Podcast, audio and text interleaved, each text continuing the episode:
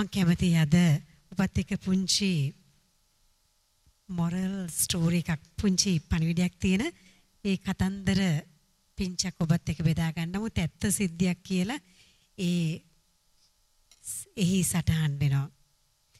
කාන්තාර අත්දැකීමක ඉන්න වෙලෙන්දෙක් ඔහුට අවශ්‍ය වෙනවා කැමල් කෙනෙක් කොටුවෙක්ව මිලදී ගන්නට. ඉතින් ඒ කොටොලුවව මිලදී ගන්නකොට ගොඩාක් භාගයෙන් කරන්නට වෙනවා කොමරි අන්තිමට ඔහුගේ සැටිස්ෆැක්ෂන් එකට ඔහුගේ මනසට ආත්මයට කැමති ආකාරයට මේ මිලට කොටලුව මිලදී ගන්නට පුළුවන් වෙනවා විකුණන කෙනාටත් හොඳ මිලකට ඔහුගේ හදවතට සතුට දැනෙන ප්‍රමාණයෙන් ඒ කොටලුවව විකුණ ගන්නට පුළුවන්කමක් වෙනවා. ඊට පස්සේ ඒ කොටලුවව ගෙදර ගෙනල්ලා ඔහුගේ ගෙදර ඉන්න සේවකයෙකුට කියනවා ඔහුගේ තියෙන ඒ පටි ඒවමේවා ගලවලා ඔහුව නිදහස් කරන්න කියලා ඔහුගේ සැන්ඩල්ස් ඒ දේවල් ගලවලා නිදහස් කරන්න කියලා කියනවා. ඔය කියන අතරතුරේදී ඒ පුද්ගලයා සේරම ගලෝගන ගලෝගන යනකොට එක්තරා තැනක තිබුණා පවුච් එකක්. ඒ කියන්නේ ඉස්සෙල්ලා පාවිච්චි කරපු කෙනා හැම වෙලාවෙම මේ ආකාරයට ඔහුව ඔහුගේ ඇඟේ තියෙන හැම දෙයක්ම ගලවන්න නැතුව ඇති කියලා හිතෙනවා. ඉතින් ඒ පවුච් එක ගත්ත ගමන් පවුච් එකක් වටින එකක්. ඉතින් මෙන්න මේ පවුච් එක අරගෙන අතට ගලවලා බලනකොට ඒකේ තිබුණේ සේරම ජුවල්ස්. සේරම තිබුණේ වටින ගල් තිබුණේ. ඉතින් මෙන්න මේ ගල් ටික ටක් ගාලා එයාගේ හාම් පුතාට පෙන්නලා කියනවා මහත්තය ඔයා අරගෙන ඇවිල්ලා තියෙන්නේ කොටුළුවෙක් පමණක් නෙමෙයි. ඔබ අරගෙන ඇවිල්ලා තියෙන්නේ කොටුළුව සමග තවත් ලොකු සම්පතක්. ගොඩක් පොහොසත් වත් පොහොසත්කමක් තියෙන දෙයක් ඔබ අරගෙන ඇවිල්ලා තියෙනවා. කියලා ඒ අතට දෙනකොට ඒ හාම්පුතාගේ අතට ඒක දෙනකොට ඒ සැනින්ම මේ පෞච් එකත් අරගෙන ඒ පුද්ගලයා නැවත යනවා කොටලුවගේ හිමිකරු ඒ මිලදී ගත්ත කෙනා ගාවට ගිහිල්ලා කියනවා මෙන්න ඔබේ ඒ වටිනා වස්තුව මම නැවත අරගෙන ආවා කියලා. අර පුද්ගලට හරි පුදුමයි. ඕනතරම් බොරු කියන්න තිබුණා. නමුත් ඔහු ඒ ජුවලරි ටික සේරම ඒ වටින ගල් ටික සේරම ඔහුගේ අතට පත් කරද්දියා කියනවා ඔබට කරන ගෞරවයක් හැටියට මේ ඕනම වටිනා ගලකින් ඔබට පුළුවන් කැමති එකක් ඔබ ගන්න කැමති ඕනම දෙයක් ගන්න කියලා. එයා කියනවා මං ඔයාට මේක ගේන්න ඉස්සෙල්ලා එක ගලක් නෙමේ මං මේකෙන් වටිනම ගල් දෙකම මං ගත්තා කියනවා. ඊට පස්සේ අර ගල් ටික ගණන් කරලා බලනවා. ගණන් කරලා බලලා කියනවා no no you have not taken anything. ඔබ එකක්වත් අරගෙන නැහැ. සේරම ගල් ටික තියෙනවා කියලා. එතකොට එයා කියනවා මම මං වටිනම ගල් දෙක කියලා අදහස් කරේ it is my integrity and my self respect කියලා. මගේ ඉන්ටග්‍රිටි එක ඉන්ටග්‍රිටි කියලා කියන්නේ පුතේ කවුරු දැක්කත් නොදැක්කත් හරි දේ කරන්නට පුළුවන් කෙනෙක් තුළ තියෙන කන්වික්ෂන් එක ඉන්ටග්‍රිටි ඊට පස්සේ සෙල්ෆ් රෙස්පෙක්ට් තමුන්ට තමුන් තුළ තිය තමුන්ට තියෙන ඒ ගෞරවාන්විත බව තමුන් කොහොමද තමුන්ව ගෞරවාන්විතව බලාගන්නේ එන්න ඒක නිසා ඔහු කැමති වුණේ ඒ එක ගලක්වත් ඔහුට හිමියව නෙවෙයි. ඉතින් මෙන්න මේ දෙක තමයි මංගාව තියෙන two precious stones. මංගාව තියෙන වටිනම වස්තුව මෙන්න මේ දෙයයි කියලා ඔහු ප්‍රකාශ කරනවා. ඉතින් රත්තරන් අම්මේ තාත්ති දුවේ පුතේ අපි මේ ඥානකාන්තිය ආරම්භ කරලා යන මේ ගමන තුල අපිත් කල්පනා කරලා බලමු. අපි එක එක්කෙනාටත් තියෙනවා කවුරුත් නොදකින ඇත්තක් තියෙනවා. අපේ ජීවිතේ කිසිම කෙනෙක් නොදකින නොදන්න ඇත්තක් තියෙනවා. මම පමණක් දන්න ඔබ පමණක් දන්න. අන්න ඒ දේ ගැන අපි අවදිවෙමු. ඒ වගේම තමයි තමුන්ටම තියෙන ඒ ගරුත්වය සෙල්ෆ් රෙස්පෙක්ට් එක මේක රකින්න පුළුවන් වෙන කෙනෙකුට නෙමෙයි අපිටමයි. එහෙනම් ස්වාමීන් වහන්සේට කියමු ස්වාමිනේ මේ ඥානකාන්ති කාලය තුල මේ දේත් මේ දෙයටත් අපේ හදවත ආත්මය විවෘත කරන්නට අපි ආශිර්වාද කරන්න කියලා. අපි සියලු දෙනාම දැනගසමු.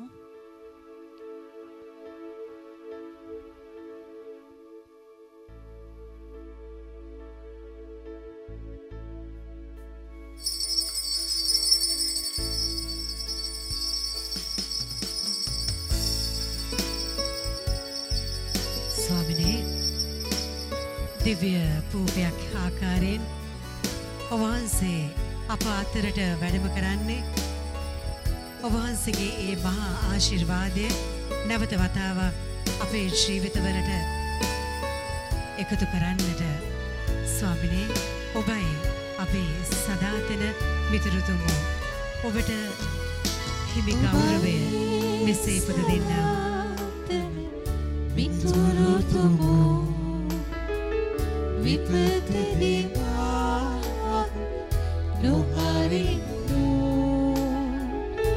listen.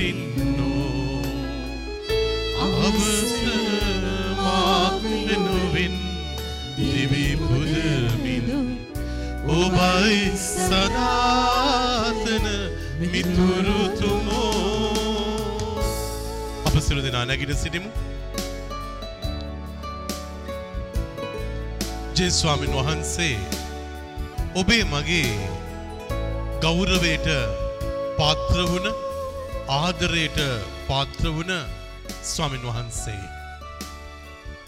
උන්වහන්සේ හොඳ යාළුවෙක්. උන්වහන්සේ කවදාක්වත් තරහා වෙන්නේ නැහැ. අපි ගාව ෆ්‍රෙන්ඩ්ෂිප්ස් ගොඩක් ගොඩනගන්න පුළුවන්. මිතු දහමක් ඇති කරගන්න පුළුවන්. සම්බන්ධතාවයන් ඇති කරගන්න පුළුවන්. ඇහි හොඳයියක් ඇති කරගන්න පුළුවන්.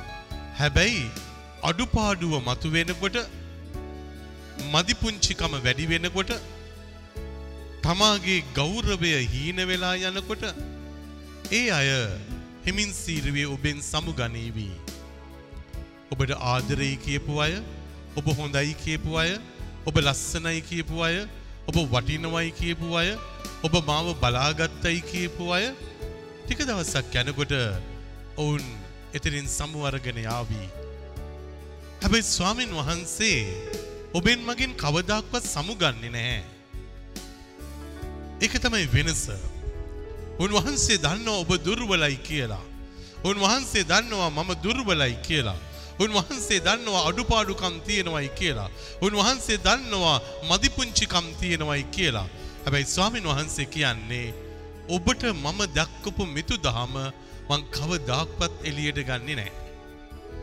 ඒ නිසා තමයි ඔබට මට ඕනෑම වෙලාවක ස්වාමින් වහන්සේගේ ජීවිතය විවෘතයි. ඔබ ඇසුරු කරන කෙනා ආදරය කරන කෙනත් එක්ක ඔබ තරහ වුණාට පස්සේ නැත්තම් එතන උරණ වුණාට පස්සේ ඔබ හදිස්සිය හරි කිව්වොත් මම ගෙදරට එනවයි කියලා කියාවි මගේ ගේට්ටු වහලා තියෙන්නේ මගේ දොර වහලා තියෙන්නේ.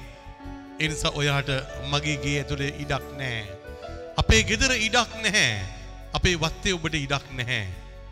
මිනිස්සුන්ට පුළුවන් හරි ඉක්මනට කියන්න එන්න එපා කියන්න. හැබැයි ස්වාමීන් වහන්සේ ඔබට මට ඕනෑම වෙලාවක එන්න කියනවා. ඒකයි වෙනස. ඔබ හොඳින් හිටියත් ඔබ නරකින් හිටියත් ඔබ දුර්වල හෙලා හිටියත් ඔබ පව් කරලා තිබුණත් ස්වාමීන් වහන්සේ කියනවා එන්න ඔබ මාගාවට එන්න. මාගාව තහංචි නෑ. මිනිස්සු ඇසුරු කරන්නේ තහංචි දාන්න බලාගෙන. හැබැයි ස්වාමින් වහන්සේ ඇසුරු කරන්නේ හැම වෙලාවෙම විවෘත කරලා ආදරය කරලා නිදහස් කරලා ඔබව මාව ගොඩනගන්න. එනිසා ජීවිතයක් ගොඩනැගින්නේ ඉක්මනටම මේ ස්වාමින් වහන්සේ තුළ. මොකද විශ්වාසයක් තියෙනවා උන්වහන්සේ කවදාක්වත් දාලා යන්නේ නෑ කියලා. විශ්වාසයක් තියෙනවා උන්වහන්සේ කිසිම දවසක ප්‍රතික්ෂේප කරන්නේ නැහැ කියලා. විශ්වාසයක් තියෙනවා උන්වහන්සේ මාව ඇතිසැටියෙන්ම බාරගන්නවයි කියලා. ඉතින් මේක නිසා තමයි ඔබට මට ස්වාමින් වහන්සේව අවශ්‍ය වෙන්නේ. අපිට මිනිස්සුන්ව ඇසුරු කරන්න ස්වාමින් වහන්සේගේ ආශිර්වාදය ඉල්ලගෙන යන්න වෙනවා. අපිට මිනිසුන් සමග සම්බන්ධ වෙන්න ස්වාමින් වහන්සේගේ වරප්‍රසාද ඉල්ලගෙන යන්නට වෙනවා. ඒ නිසා මේ දින 40 තුල අපි වරප්‍රසාද වලින් පිරෙමු. ආදරයෙන් පිරෙමු. ආශිර්වාදයෙන් පිරෙමු. මොකද උන්වහන්සේ ඔබට මට කර්තව්‍යයක් දීලා තියෙනවා මිනිසුන්ව සුවපත් කරන්න, මිනිසුන්ව බලවත් කරන්න, මිනිසුන්ව ආශිර්වාද කරන්න, මිනිසුන්ව ආරක්ෂා කරන්න ඔබට මට අ, අවස්ථාවක් දීලා තියෙනවා. එහෙනම් අපි ස්වාමින් වහන්සේට කියමු ස්වාමිනී මගේ හදේ ඔබ ජීවත් වන්නට අදදින මාතුල ජීවත් වන මැන අදදින මාතුල ජීවත් වන මැන සමිදුනේ සමිදුනේ සමිදුනේ සමිදුනේ වඩින්න වඩින්න. වඩින්න සමිදුනේ. හැමගෙනම කියන්න? වඩින්න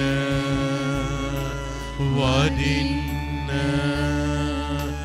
වඩින්න සමිදුනේ. වඩින්න වඩින්න වඩින්න සමිදුනේ. වඩින්න වඩින්න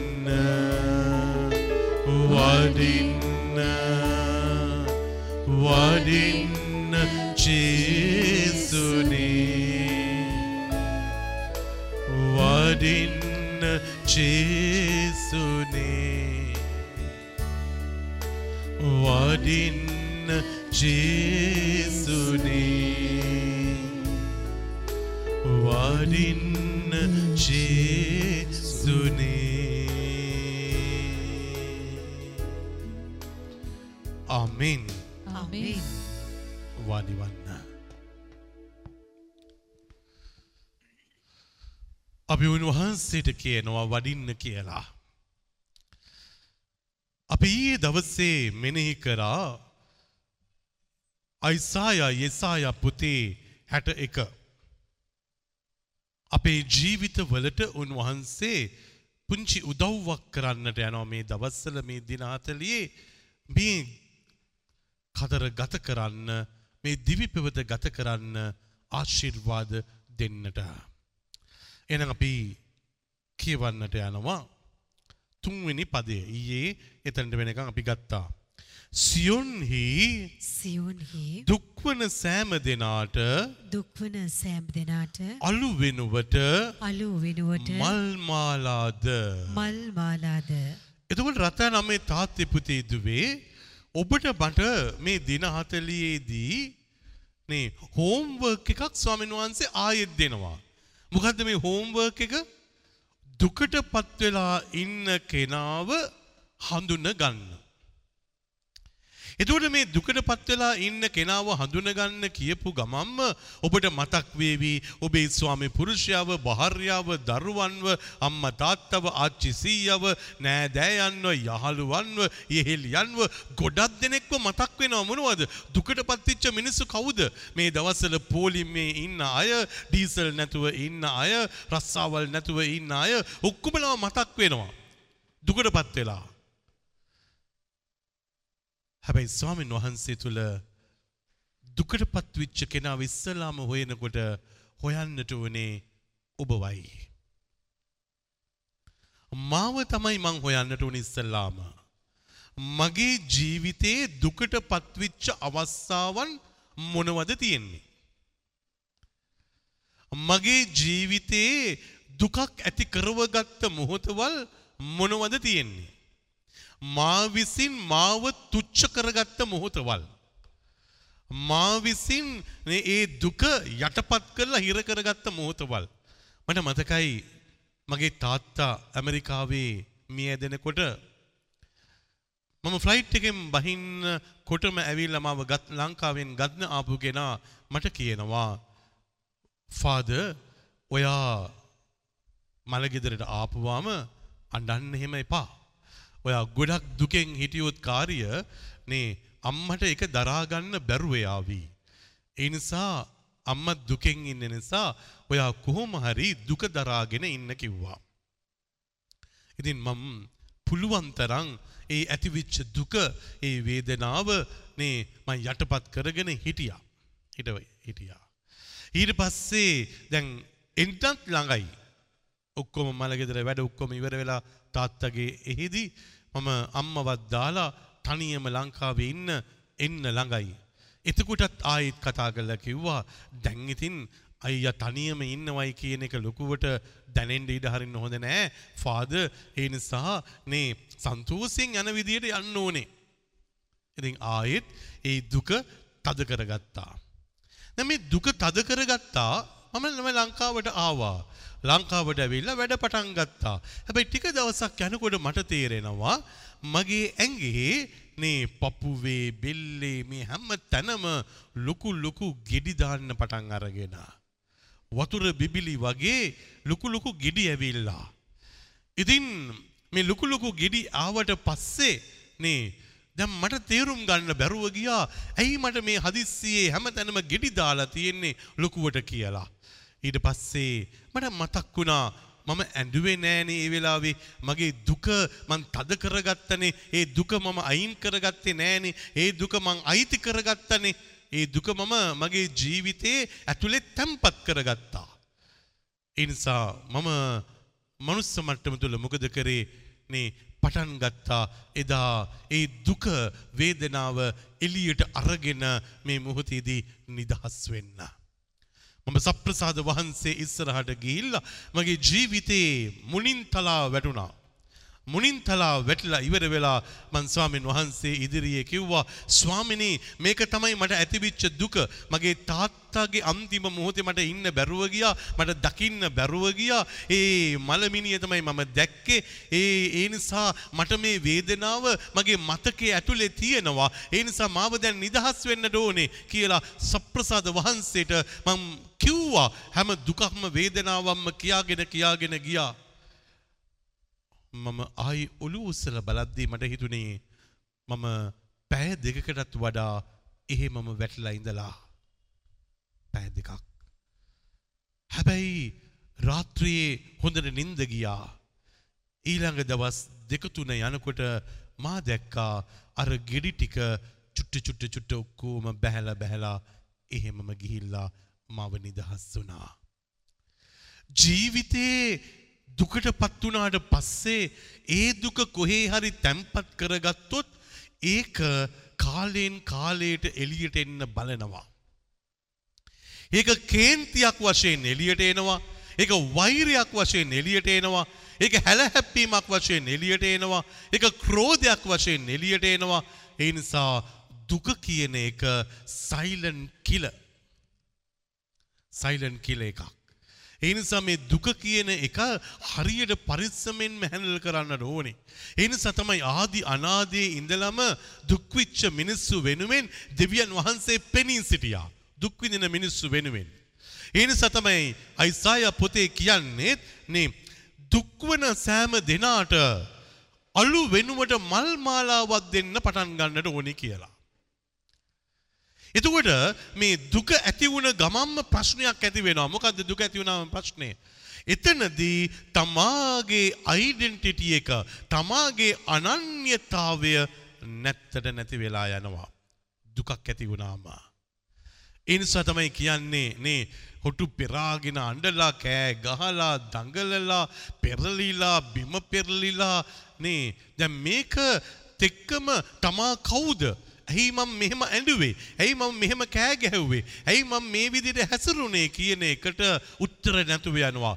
නේ මම අහවල් විදියට ජීවත් වෙන්න ඕන කෙනා. මම හොඳට ඉන්න ඕන කෙනා. මොකටද මම මේ විදිහට හැසිරුණේ නේ මොන තරම් බෙරියන් දුන්නද?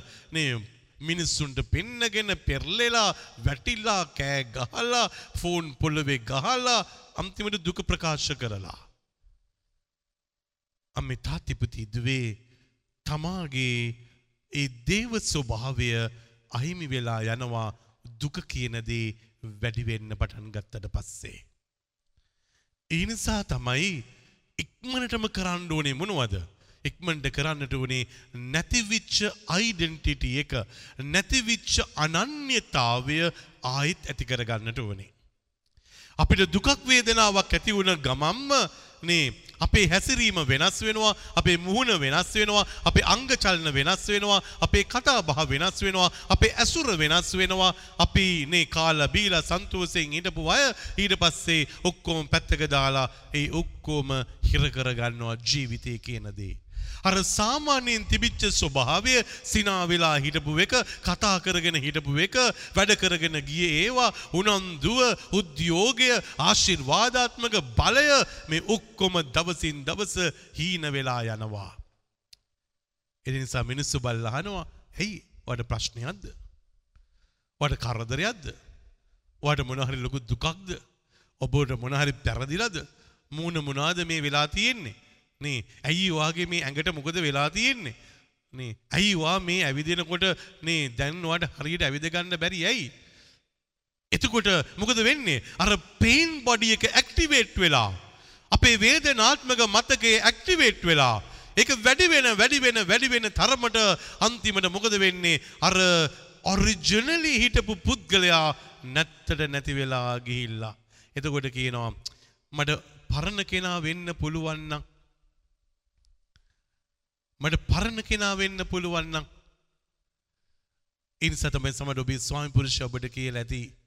මම යාළු වෙනකොට හිටපු මම මගේ ආදරවන්තිය මට ආයි කවදාරි හම්බ වුණොත් මම යාළු වෙලා හිටපු ආදරවන්තයාව මට ආයෙත් හම්බ වුණොත් දැන් එතකොට දැන් මේ මොකද්ද නැති වෙලා තියෙන්නේ? යාළු වෙන කාලේදී, ඒ තරුණ කාලේදී, ඒ ආදරවන්තයෙක් ආදරවන්තියක් වශයෙන් ඔබ ගාව තිබුණා අනන්‍යතාවයක්. ඔබ ළඟ තිබුණා යුනික්නස් එකක්. ඔබ ළඟ තිබුණා යම්කිසි ආකාරයෙන් අයිඩෙන්ටිටි එකක්. හැබැයි ඒක ටික දවසක් යනකොට මොකද වෙන්නේ? ප්‍රශ්න ඇවිල්ලා, කරදර ඇවිල්ලා, බාධක ඇවිල්ලා, හැලහැප්පීම් ඇවිල්ලා දැන් අර ඔරිජිනල් කෙනාව අතහැරිලා. ඒ නිසා ගොඩක් අයගෙන් මං අහනවා ඔබේ මහත්තයාව ඔබට ආයේ ඕනද? ඔබගේ වයිෆ් ආයෙත් ඕනද? නේ ඕනද? ඔබේ අම්මව ඔබට ඕනද? ඔබේ තාත්තව ඕනද ආය? කියලා ඇහුවොත් කාර්ය ගොඩක් අයගේ ජීවිතවලට කඳුළු උනනවා. ඇයි ඒ? අර ලස්සන මතකයන් අද අමිහිරි මතකයන් බවට පත් වෙලා ඒ සුන්දර මතකයන් අද වේදනාත්මක මතකයන් බවට පත් වෙලා ඒ සතුටේ ජීවේ තිබිච්ච මතකයන් අද කඩාගෙන වැටිච්ච මතකයන් බවට පත් වෙලා ඒ නිසා අතීතයේ මතකය මේ මොහොතේදී ලස්සනයි සුන්දරයි වර්තමානයේ කඩාගෙන වැඩිච්ච මතකයට වඩා ඒ නිසා ස්වාමින් වහන්සේ ඉක්මනටම කියන්නේ මොනවද? ඔබ පුළුවන් තරම් එහෙනම් මේ චතාරික කාලේ අනන්‍යතාවය ආයේ ඔබේ ගොඩ නගා ගන්න. ඒක වෙන කාටවත් ගොඩ නගලා දෙන්න බෑ. ඒක ඔබේ අම්මටත් බෑ තාත්තටත් බෑ ස්වාමි පුරුෂයාට බෑ භාර්යාවට බෑ යහළු ඉහෙලියන්ට කාටවත් ඔබ නැති කරගන්න අනන්‍යතාවය ගොඩනගලා දෙන්න බෑ. ඔබ ප්‍රකාශ කරන විදියට තමයි ඔබ හැසිරෙන විදියට තමයි අනිත් අය තීන්දුවක් දෙන්නට යන්නේ. එනිසා ඩැරල් කියන පූජ්‍යකයා මේ මුති හැසිරෙන විදියට මගේ අනන්‍යතාවය එළියට එන්නට යනවා. වේදනාව එළියට આવොත් ඔබ හඳුන ගන්නවා ෆාදර් ඩැරල් වේදනාවෙන් ඉන්නේ කියලා. මම සතුටෙන් මගේ ඩෙන්ටිටි එකේ දෙන්න ගියොත් ඔබ හිතනවා ෆාදර් ඩැරල්ගේ ඒ ස්වභාවය ඇවිල්ලා ඩෙන්ටිටි එක ඇවිල්ලා. එතකොට ඔබේ ජීවිතයේ ඇතුලේ ගොඩනගා ගන්න ඕන නිසා ඔබේ ජීවිතයට චූටි වෙලාවක් දෙන්නට ඕනේ. මොනටද මේ චූටි වෙලාව ඕන ඕන වෙන්නේ? ඔබේ ජීවිතයේ නැතිවිච්ච තැන් ටික ඔබේ ජීවිතයේ ලියන්න පටන් ගන්න ඕනේ. ඔබට මොනවද නැති වුනේ? ඔබට නැතිවිච්ච දේ නැති වුණා කියලා ඒකත් එක්ක හැප්පි හැප්පි ඉන්නවට වඩා නැතිවිච්ච දේ ආයෙත් ගොඩනගා ගන්න ඇති කර ගන්න ඔබ උත්සාහ කරන්නට ඕනේ. දැන් මේකට බහැපත්කමක් ඕනේ. ඇයි ඔබ අවබෝධ කරගන්නට ඕනේ මට නැතිවිච්ච මේ සතුට නැති වුණේ ඇයි? ගොඩක් වෙලාවට සතුට නැති වෙන්නේ මගේ කට නිසා. මම කටින් පාවිච්චි කරන වචන සාකච්ඡා කරනකොට කතා බහ කරනකොට නේ මගේ කටින් පිට වෙන වචන. ඊට පස්සේ මගේ ආකල්ප මගේ ආකල්ප එළියට එනවා. මගේ සිතුවිලි එළියට එනවා. එතකොට මගේ ජීවිතයේ ඇතුලේ මගේ ආකල්ප තුළට මම ගිහිල්ලා ඔබව ඇප්‍රිෂේට් කරගන්න වෙනවා.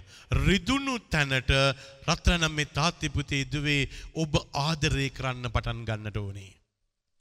එනිසා තමයි නාස්තිකාර පුත්‍රයාගේ උපමාවේදී චෙස්සු කියනවා උරු කොටුවේ ඌරු කෑම කැකා හිටපු නේ ඒ නාස්තිකාර පුත්‍රයාට එක්තරා මොහොතකදී කියනවා he came to his normal senses. ඔහු අවබෝධ වෙන්න අවදි වුණා. අවදි වුණා. අවදි වුණ ගාම මොකද කරේ? එතන හිටියේ නැහැ. ඒකයි වෙනස. අපි ගොඩක් වෙලාවට අවදි වෙලා මම දුකින් දැන් මිදෙන්න ඕනේ කියලා ඒ දුක තුලම ඉන්නවා. වේදනාවෙන් මිදෙන්න ඕනයි කියලා වේදනාව තුලම ඉන්නවා. ප්‍රශ්නේ නිදහස් වෙන්න ඕනේ කියලා ප්‍රශ්නේ තුලට වෙලාම ඉන්නවා. එතකොට අර නාස්තිකාර පුත්‍රයා මොකද කරේ? ඒ වෙලාවෙම එතන අත හැරලා දාලා නැගිටලා ඔහු ආයෙත් තාත්තා ගාවට ගියා. මේ ෂිෆ්ට් එක ගන්න ඕනේ. ඔබේ අයිඩෙන්ටිටි එක ආය හම්බ වෙන්නේ එහෙමයි. තාත්තා ගාවට ගිය ගමන්ම මොකද වුනේ? තාත්තා ගාවට ගිය ගමම තාත්තා මගට ඇවිල්ලා තුරුළු කරගත්තා. තුරුළු කරගත්තේ මොනව කරන්නද? ආයෙත් ඕනර්ෂිප් එකක් දුන්නා. හිමිකාරිත්වය දුන්නා. එනිසා රත්තරනම් මේ තාත්තේ පුතේ දුවේ අපි දුකට උරුම විච්ච මිනිස්සු නෙමෙයි අපි පාපයට උරුම විච්ච මිනිස්සු නෙමෙයි අපි කරදර වලට උරුම විච්ච මිනිස්සු නෙමෙයි අපි හැලහැප්පීම් වලට උරුම විච්ච මිනිස්සු නෙමෙයි අපි ජීවිතේ විඩාවට තෙහෙට්ටුවට උරුම විච්ච ජනතාවක් නෙමෙයි. දෙවියන් වහන්සේගේ ආශිර්වාදයට උරුම විච්ච මිනිස්සු. හැබැයි අපි කවදාවත් ඒක කියන්නේ අපි මිනිස්සුන්ට කිය කිය යනවද? මං දෙවියන් වහන්සේගේ ආශිර්වාදයට උරුමකාරයෙක්. දෙවියන් වහන්සේගේ බලයට උරුමකාරයෙක් දෙවියන් වහන්සේගේ සුවේ හස්තයට උරුමකාරයෙක් දෙවියන් වහන්සේගේ අභිෂේකයට උරුමකාරයෙක් කිය කියන්නේ ඒ වෙනුවටම කියන්නේ මට මේ ඉපදිලා ඉන්නේ දුක් විඳින්නමයි කියලා කියනවා එතකොට රත්නම් මේ තාත්තේ පුතේ දුවේ ඔබගේ ඩෙන්ටිටි එක දෙන්නට යන්නේ දුකට පිරුණු ජීවිතයක් ඇති කෙනෙක් වශයෙන්. ස්වාමීන් වහන්සේ ඒ නිසා කියනවා මේ ඩෙන්ටිටි එක වෙනස් කරන්න. මේ ඩෙන්ටිටි එක වෙනස් කරන්න ස්වාමීන් වහන්සේ මොනවද කියන්නේ? ඒක මල් මාලාවක් බවට පත් කරන්නට ඕනේ. එතකොට අලු ටික මල් මාලාවක් කරන්න නම් මොනවද දෙන්නට ඕනේ? ආයෙත් අලුත් හැඩතල ඕනේ, ආයෙත් වර්ණ ඕනේ, ආයෙත් සුවඳ ඕනේ. තතන මේ තාත්ති පුතේ දුවේ මම දන්නේ මම සමහර දවස්වල සමහර අයට රිට්‍රීට්ස් කරනකොට ওই ෆාදර්ස්ලාගේ එහෙම මාගාව තියෙනවා කැන්ඩල්ස් එක එක සුවඳ තියෙන කැන්ඩල්ස් තියෙනවා. ඉතින් ඒව අරගෙන ගිහිල්ලා ඒවා ඉස්සෙල්ලාම මම මොකද කරන්නේ නේ ශාලාවේ මුළු හතරේ පත්තු කරනවා. ඉස්සලාමත කරන දේ තමයි ඒක. ශාලාවේ මුළු හතරේ මං දේශනා කරන දැනයි එක එක සුවඳ එක එක සුවඳ මම පත්තු කරනවා. පත්තු කරලා ඉවර වෙලා තමයි ප්‍රෝග්‍රෑම් එක පටන් ගන්න. ඒකට අපි කියනවා ඇරෝමා තෙරපි කියලා කියනවා. සුවඳත් එක්ක කොහොමද අපි ආයෙත් මේ සිතට ශාන්තියක් ඇති කරන්නේ සුවඳත් එක්ක. එතකොට ප්‍රෝග්‍රෑම් එක පටන් ගන්න ඉස්සර මම මියුසික් ට්‍රැක් එකක් දානවා. මියසික් ට්‍රක් එකක් දානවා ඒ වෙලාවට ඉන හීලිං මු මියසික් ට්‍රක් එකක් දානවා. එනිසා මේ ෆාදස්ලා එනකොට ඉඳ ගන්න එගොලන්ට ඇහෙන්නේ පීස්ෆුල් එන්වාර්මන්ට් එකක් ඒ වගේම ශාන්තියෙන් පිරෙන මේ මුහොතේදී ස්පෙෂලි ක්‍රියේටඩ් මියසික් ට්‍රක් එකක් දානවා මම. ඒ මියසික් ට්‍රක් එක දාපු ගමන් මොකද වෙන්නේ සිත එකඟ වෙන්න පටන් ගන්නවා. එතකොට දැන් මෙන්න මේ ලස්සන දෙන්න පටන් ගන්නවා. වර්ණයෙන් දෙන්න පටන් ගන්නවා. ඒ වගේම නේ දැන් එදාට මල්ටිමීඩියා පාවිච්චි කරනවා නම් නියුමල් පුතාට කියලා මං හදාගෙන තියෙනවා රිට්‍රීට් ප්‍රෝග්‍රෑම්ස් කියලා දේවල්.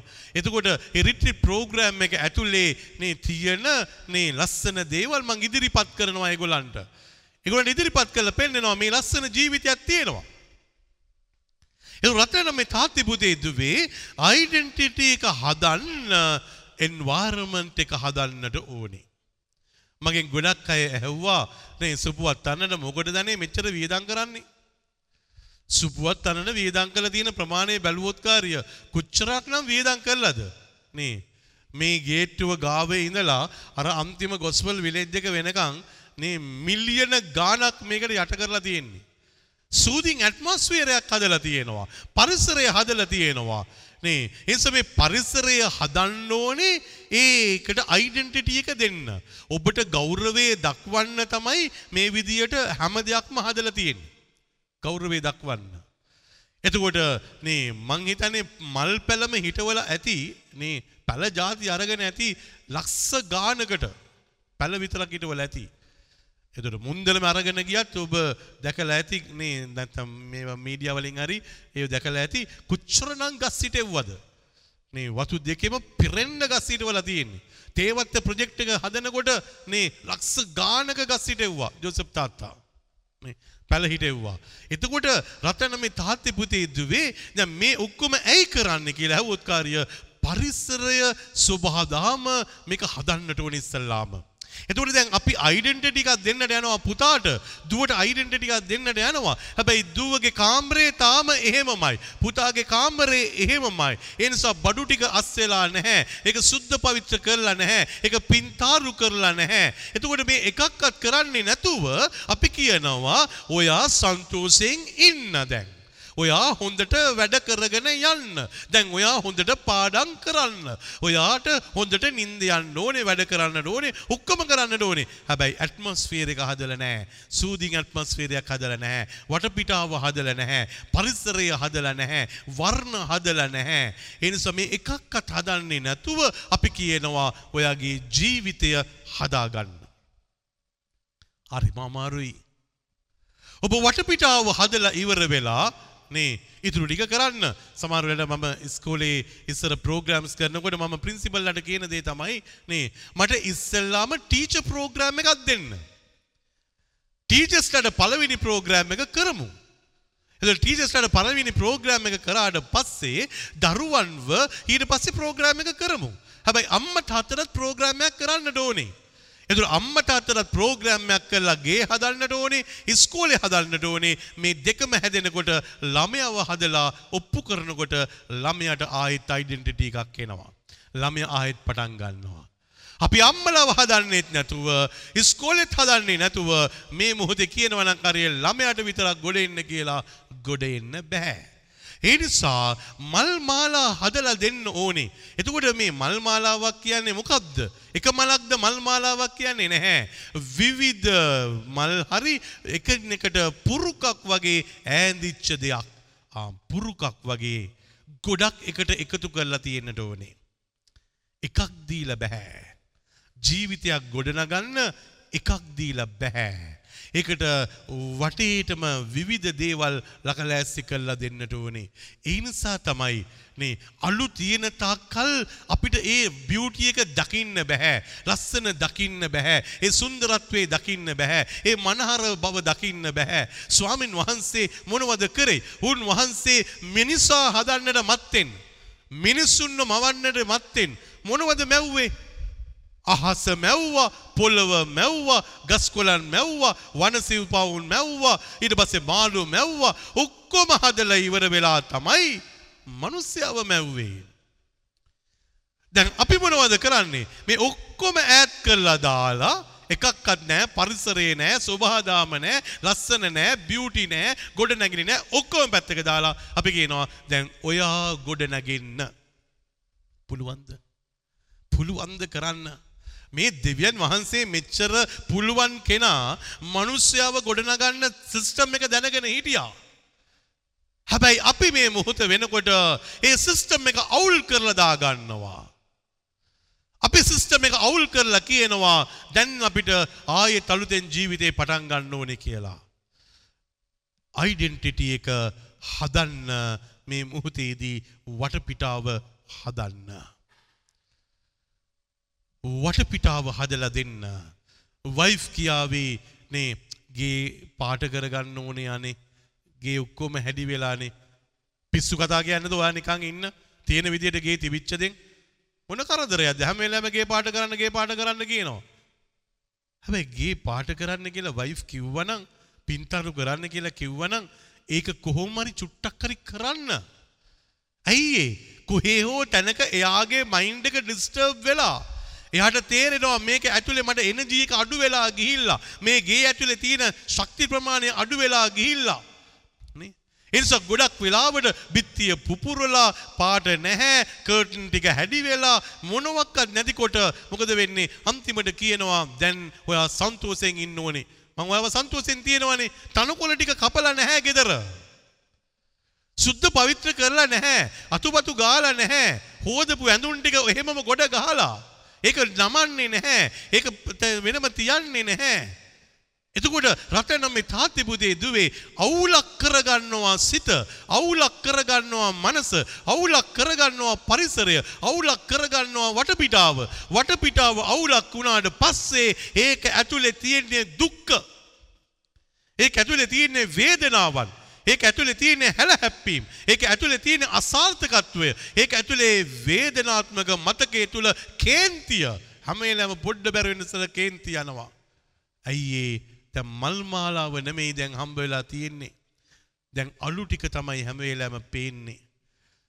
ඒකේ තිබිච්ච බියුටි එක නැතිවිච්ච තැනක් තිබිච්ච ලස්සන අහිමි විච්ච තැනක් ඒ නිසා තමයි රත්න මේ තාත්ති පුතේ දුවේ කොරෝනාව කාලයේදී සුපුවත් අරන විනාශ වෙන්න දුන්නේ නැහැ.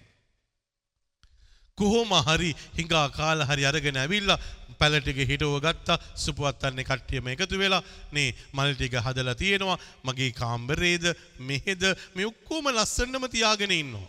ලස්සනම පිළිවෙලටම තියාගෙන ඉන්නවා. ඒ නිසා මේවා එකක්වත් අඩු කරේ නැහැ. නැත්තම් කොරෝනාව ඉවර කරගෙන භාගයට ඉවර කරගෙන අපි දොර අරිනකොට මේක ඇතුලේ නිකන් කැලෑවක් වෙලා තිබුණා නම් ඔබ ඇවිල්ලා කියයි අයියෝ අපරාධෙනේ සුපුවත් අන්නට වුණ කල ගිය කල. හැබැයි ඔබ එනකොට ඉස්සරට වඩා ලස්සනට තිබුණා. ඔබ එනකොට හැම දෙයක්ම පිළිවෙලට තිබුණා. ඔබ එනකොට ඒක මනහර වෙලා තිබුණා. ඒකේ මල් පිපිලා තිබුණා. ඒකේ වටිනාකම වැඩි වෙලා තිබුණා. ජීවිතය කියන්නේ එහෙමයි. එනිසා ජීවිතය කියන දෙයට අයිඩෙන්ටිටි එක හම්බ වෙන්නේ වටිනාකම හම්බ වෙන්නේ වටපිටාවත් එක්ක ඔබ උදව් කරොත් විතරයි. ඒ නිසා ලස්සනට අඳින්න. පිළිවෙලට අඳින්න. ඔබේගේ ඇතුලේ නේ වටපිටාවේ ඒ පරිසරය හදාගන්න. ඔබගේ එන්ට්‍රන්ස් එක හදන්න හැමදාම මං කියන්නේ ඒකයි. සමහර ගෙවල් වලට යනකොට එන්ට්‍රන්ස් එක හරි නැහැ. එන්ට්‍රන්ස් එක හරි නැහැ. නේ එන්ට්‍රන්ස් එක අන්තිමට නේ යන පාර ගී යනකොට හිතෙනවා දෙයියනේ මේ ගෙදරකටද යන්නේ කියලා. ඒ කියන්නේ කැඩිච්ච දේවල් ඔක්කොම ඉස්සරහින් තියලා තියෙනවා. බිඳිච්ච දේවල් තියලා තියෙනවා. අතහැරුණ දේවල් ඉස්සරහින්ම තමයි තියලා තියෙන්නේ. ඒකෙන් එළියට යනකොටත් ඒක තමයි දැක දැක යන්නේ ආයගේ ඇතුළට එනකොටත් දැක දැක ඉන්නේ ඕවම තමයි. එනිස ඉස්සල්ලාම කරන්න ඕන දේ තමයි නටබුන් වෙලා තියෙන තැන ඒක අයින් කරලා දාන්නට ඕනේ. ප්‍රතිසංස්කරණය කරන්න ඕන දේ ප්‍රතිසංස්කරණය කරන්නට ඕනේ. මිනිසුන්ගේ බිස්නස් දියුණු වෙනවා හැබැයි බිස්නස් එක දියුණු වෙන්නට නම් ඒකට අවශ්‍ය කරන ගේට්ටුවේ ඉඳලම වැදගත් එන්ට්‍රන්ස් එකේ ඉඳලම වැදගත් එතකොට දො- ගේට්ටුව දොර ඇරපු ගාම කියන්න ඕනේ වාව් මාරයිනේ. හරිම පිළිවෙලයිනේ. හරිම ලස්සනයිනේ. කඩිය තියන්නත් ලෝබයි වගේ යන්නේ. හරිම ආකර්ශනීයයි. එතන මහා බලයක් තියෙනවා. පුදුම ශක්තියක් තියෙනවා. ඇත්ත බලන්න එන කෙනාට ශක්තියක් ලැබෙනවා. හැබැයි ඒ ශක්තිය ඔබ උපද්දවලා තියන්නට ඕනේ. ඔබ හදලා තියන්නට ඕනේ. ඒ නිසා තමයි රත්න මේ තාත්ති පුතේ දුවේ මහත්යා වැඩට ගිහිල්ලා ගෙදරට එනකොට නේ ගේ ලස්සනට තියෙන්නට ඕනේ. ලස්සන තිබුණ නැත්නම් මොකද වෙන්නේ? අනිවාර්යයෙන් මහත්යා කියනවා මොනවද අනේ ගෙදර හිටියේ නැද්ද? නේ අතු ගාලත් නැහැ, පිළිවෙල දාලත් නැහැ. මොනවද මේ? එතකොට ඔබ කියාවි ඔයා වැඩට ගිහිලා එනවා මම උයන්න ඕනේ අර කරන්න ඕනේ මේ කරන්න ඕනේ කොහොමද අනේ පිළිවෙලට දාන්නේ? ඇත්ත. සාධාරණයි එහෙම කියන එක. හැබැයි පිළිවෙල ටික දවසක් නැතුව ගියාට පස්සේ සමාදානය නැතුව යනවා. අසමාදානය ඇතුළට එනවා. අයිඩෙන්ටිටි එක තියෙන්නට ඕනේ පිළිවෙලට ඉන්නවයි කියන එක. මේක අතහැරපු දාට අර මල් මාලාව ඔබට හම්බ වෙන්නේ නැහැ. ඒ නිසා මේ චතාරිකයේදී රත්නම් මේ තාත්තිපුතේ දුවේ අපි ආය නේ මේ අලු බවට පත්විච්ච ජීවිත ඔබේ ගෙදර ඉන්න පුතා ඔබේ ගෙදර ඉන්න දුව ඔබේ ගෙදර ඉන්න වයිෆ් හස්බන් සහ වටපිටාව ඒකට ස්පෙෂල් ඇටෙන්ෂන් එකක් යොදන්න. ඇටෙන්ෂන් එකක් යොදන්න. යොදල ඉවර වෙලා නේ පටන් ගන්න අලුතෙන් පටන් ගන්න ඔබගේ ඇඳුම් මෝස්සරය හිතල බලන්න. මං මගේ අම්ම ගැන හරිම සන්තෝසයි නේ අවුරුදු අසූ හයක් වයසනේ. ඉතින් අවුරුදු වස්සූ හයක් වුණාට මේ අම්මට නිකං ඇඳුමක් අඳින්න කිව්ව අඳින්නේ නැහැ. එයාට ඩිසයින් කරන්න ඕනේ 86ට ඒකට මේ බෝරුච්චියනවා නම් ඒව එන්න ඕනේ, හැඩතල ඕනේ. එක කාලයකට මේ ලුංගි වගේ අඳිනවා, තවත් කාලයකට ගවුම් අඳිනවා, තවත් කාලයකට ස්කර්ට් ඇන්ඩ් බ්ලවුස් අඳිනවා. නේ. ඉතින් හැමදාම නිර්මාණය කරනවා. අඳුම නිර්මාණය කරනවා හැමදාම. 86ට නිර්මාණය කරනවා. I am really happy. නේ මං ගොඩක් සන්තෝසයි. ගොඩක් සන්තෝසයි. නේ අද ඔබ අපේ ගෙදර ගිහිල්ලා බැලුවොත් අම්මා තාමත් මල් හදනවා. අවුරුදු 86ට නේ YouTube එකට ගිහිල්ලා නේ ඒකේ බලනවා අලුත් ಜಾති මල් මොනවද එන්නේ. එක එක ಜಾති මොනවද පේපර් ක්වීල් වලින් මොනවද වෙන්නේ රිබන් මල් මොනවද වෙන්නේ මේව හදනවා. හදලා හැමතැනම තියලා තියෙනවා. තෑගි දෙනකොට හැම කෙනාටම තෑගි දෙන්නේ ඒව තමයි. අම්මාගේ අතින්ම හදපු නේ රොමෙලත් එක්ක එකතු වෙලා හදන දේ හැම කෙනාටම දෙනවා. ජීවිතේ හැමදාම අලුත් දෙයක් අලුත් විදියට හිතන්න. පරණ වෙන්න එපා. Don't give up. Don't ever give up. ඒ නිසා ඔබ give up කරන්නේ නැති තාක්කල් ඔබ ගාව තියෙනවා ලොකු එනර්ජි එකක්. එදාට අලු වෙනුවට ඔබ ළඟ තියේවි මල් මාලා ඔබගේම ප්‍රශ්නය ආශිර්වාද කරගෙන ලස්සන කරගෙන. අනිත් අයගේ ප්‍රශ්න මේ මොහොතේදී ආශිර්වාද කරලා ලස්සන කරලා හැඩතල දීලා මේ මොහොතේදී ජීවිතයට අරුතක් දීලා. එනම් ඔබේ ජීවිතයටත් අරුතක් දෙන්න අයිඩෙන්ටිටි එක ආය හදාගෙන අනිත් අයගේ ජීවිතවලටත් අරුතක් දෙන්න ඔවුන්ගේ ජීවිතයේ අයිඩෙන්ටිටි එක අනන්‍යතාවය ගොඩනගලා දීලා. එනිසා රත්නම් මේ තාත්තිබුදේ දුවේ එනම් සුදු සුදු සප්‍රසාද වහන්සේ ඉදිරියේ අපි සියලු දෙනා නැගිට සිටිමු. නැගිලා අපි ස්වාමීන් වහන්සේට කියමු ස්වාමිනේ අපිට ඔබ වහන්සේ කිසිම දවසක ඔබ වහන්සේගේ අයිඩෙන්ටිටි එක නැති කරගත්තේ නැහැ. ක්‍රිස්තුස් වහන්සේගේ අයිඩෙන්ටිටි එක නැති කරගත්තේ නැහැ. උන්වහන්සේව කල්වාරයේ කුරුසයට ගෙනියනකොටත් උන්වහන්සේගේ ඒ අයිඩෙන්ටිටි එක තියාගෙන හිටියා. මොකද්ද උන්වහන්සේ ගාව තිබිච්ච අයිඩෙන්ටිටි එක? උන්වහන්සේගේ ඇඳුම් ගලවලා කටුවටුන්න තියලා හැබැයි උන්වහන්සේ ගාව අයිඩෙන්ටිටි එකක් තිබුණා. උන්වහන්සේ ඉන්න තැන සුවයක් තියෙනවා. උන්වහන්සේ ඉන්න තැන සමාවක් තියෙනවයි කියන අයිඩෙන්ටිටි එක තියාගෙන හිටියා. ඒ නිසා උන්වහන්සේ කුරුසියේ ඉඳගෙනම කියනවා පියාණනි මොවුන් කරන දේ නොදැන කරන නිසා මොවුන්ට සමාව දුන්න මැනව. අයිඩෙන්ටිටි එක දුන්නා. උන්වහන්සේ මිය දුනාද කියලා බලන්න හෙල්ලෙන්න අවිල අනිනවා. අනින ඇනපු ගාම ඒකෙන් ලේ බින්දුවක් වැටෙනවා. ඒක ඇස් අන්ධ වෙච්ච හේවායට තමයි වැටෙන්නේ. වැටිච්ච ඇහැට සුවේ ලැබෙනවා ඇහැ පේනවා. එනිසා උන්වහන්සේගේ අයිඩෙන්ටිටි එක නැති කරගත්තේ නැහැ. උන්වහන්සේට කසපාර ගහලා කඳුළු කතන්දරයක් මතු කරවලා වේදනාව මතු කරවලා උන්වහන්සේ මරන්න තීන්දුව කරලා හෙල්ලෙන් ඇනලා ඔක්කොම කරලා තියෙන කොටත් උන්වහන්සේ ගාව තිබිච්ච සමාවේ අයිඩෙන්ටිටි එක අයින් කරගත්තෙම නැහැ. ස්වාමි කෙනෙක් වශයෙන් ගිහියෙක් වශයෙන් ඔබ ගාව මාගාව මේ අයිඩෙන්ටිටි එක තියෙනවාද? ඔබ ගාවට එන මිනිස්සුන්ට සමාවක් තියෙනවද? මාගාවට එන අයට සමාවක් තියෙනවද? ඔබේ මහත්තයාට, ඔබේ භාර්යාවට, ඔබේ දරුවන්ට, ඔබේ අම්මා තාත්තට, ඔබට වින්නැහි කරපු අයට, ඔබේ නම කැත කරපු අයට සමාවක් තියෙනවද? සමහර දවස්වල මගෙන් ඇවිල්ලා අහලා තියෙනවා සමහර අය ෆාදර් ෆාදර්ගේ නම කැත කරන අයගේ ඔක්කොමලව දන්නවානේ. හැබැයි ෆාදර් කවදාකවත් ගිහිල්ලා අහන්න නැත්තේ ඇයි? ෆාදර් අහන්න පුළුවන්නේ ඇයි මගේ නම කැත කරේ කියලා. ෆාදර් අහන්න නැත්තේ ඇයි? මං කිව්වා මම මොකටද අහන්නේ? මං එයාට සමාව දීලා ඉවරයිනේ. එයා නම කැත කරන්න කරන්න මං එයාට සමාව දෙනවා. එයා මාව විනාශ කරන්න කරන්න මං එයාට සමාව දෙනවා. එච්චරමයි තියෙන්නේ. මම කරලා නැහැනි බොරු කිව්වේ ඇයි? ඒ වගේ නම කැත කරේ ඇයි? මඩ පහරක් ගැහුවේ ඇයි? මං කවදාක්වත් අහන්නේ නැහැ කාගෙන්වත්. මට දන්න එකම දේ විනාශ කරනකොට සමාව දෙන්න විතරයි ඕනේ. විනාශ කරනකොට ඒගොල්ලෝ වෙනුවෙන් සුවේ වෙනුවෙන් යාඥා කරන්න විතරයි ඕනේ. ඔබ විනාශ කරන අයට සමාව දෙන්න. ඔබව රිද්දපු අයට සුවය ප්‍රාර්ථනා කරන්න. ස්වාමින් වහන්සේ ඔබේ අයිඩෙන්ටිටි එක නැති නොකර තබා ගනීවී. එනම් මතක් කල්ල බල නැස් දෙක වාගන්න. ඔබේ අනන්‍යතාවය ඔබ මිනිස්සුන්ට දීල තියෙන්නේ කොය වගේද.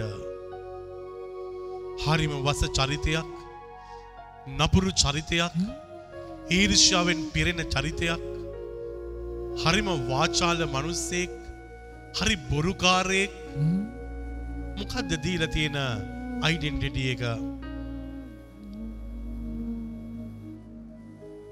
ස්වාමීන් වහන්සේ ඔබව මැව්වේ උන්වහන්සේ ඔබ තුළ ඉන්නවයි කියන අයිඩෙන්ටිටිය එක දෙන්න කියලා. වැරදි කරුවන්ට සමාව ඔබ ළඟ තියෙන්නට ඕනේ. දුර්වල මිනිස්සුන්ට ආයේ ජීවිතයේ නැගිටව ගන්න ආශිර්වාදය ඔබ ළඟ තියෙන්නට ඕනේ. පලිගන්න චේතනාවක් නෙමෙයි.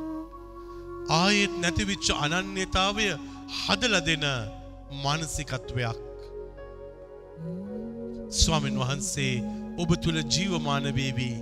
මේ චකාරිකයේදී ඔබ තුල ජීවමාන වේවි.